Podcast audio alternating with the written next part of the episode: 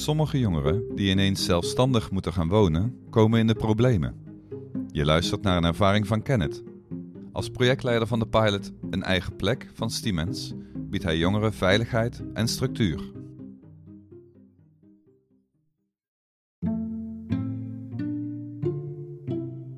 Het is dinsdagavond.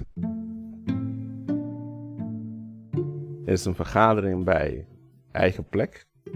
Eigen Plek is een plek voor jongeren die moeilijk hebben gehad in hun leven. En daar verbleven vier jongeren met een eigen bagage, eigen verhaal. En ik wilde hen ontmoeten. Ik wilde hen zien, hun eigen verhaal horen. Dat was een eerste vergadering waarbij ik heb deelgenomen.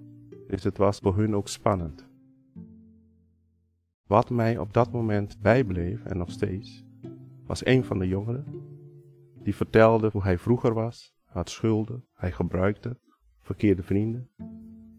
Maar hij was zo blij dat hij bij het project Eigen Plek een plek voor zichzelf kon vinden, waar hij aan zijn problemen kon werken, aan zijn doelen kon werken.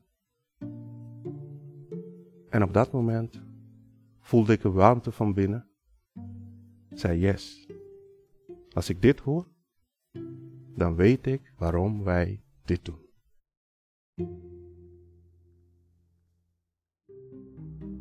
In de zorgregio Midden-IJssel-Oost-Veluwe is deze pilot een succes. Verschillende jongeren vonden er genoeg steun om hun problemen aan te pakken. Je luisterde naar een co-productie van Zorgdragers, Firma Reuring, Buitenzinnen, Sier en Nathan van der Veer. De verhalen zijn auteursrechtelijk beschermd. Benieuwd naar meer mooie verhalen?